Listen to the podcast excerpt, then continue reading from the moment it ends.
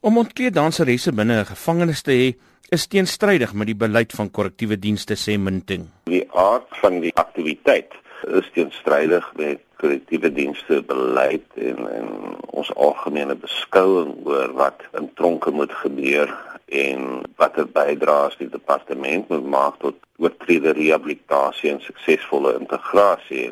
Volgens Minting dra dit by tot 'n veiligheidsrisiko wat nie geïgnoreer kan word nie. In hierdie geval was daar nie magtiging gewees om so iets te doen nie en daardie magtiging is ook nie vooraf gesoek nie.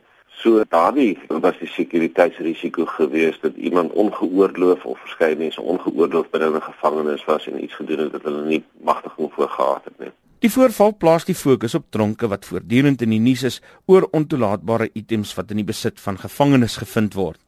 Moenting sê dit is deel van 'n korrupte kultuur. Ek dink mens moet na die geskiedenis van die gevangenisdiens kyk post 94 en dat daar 'n baie lang geskiedenis is van korrupsie op op alle vlakke van die mees senior tot op die voedselvlak.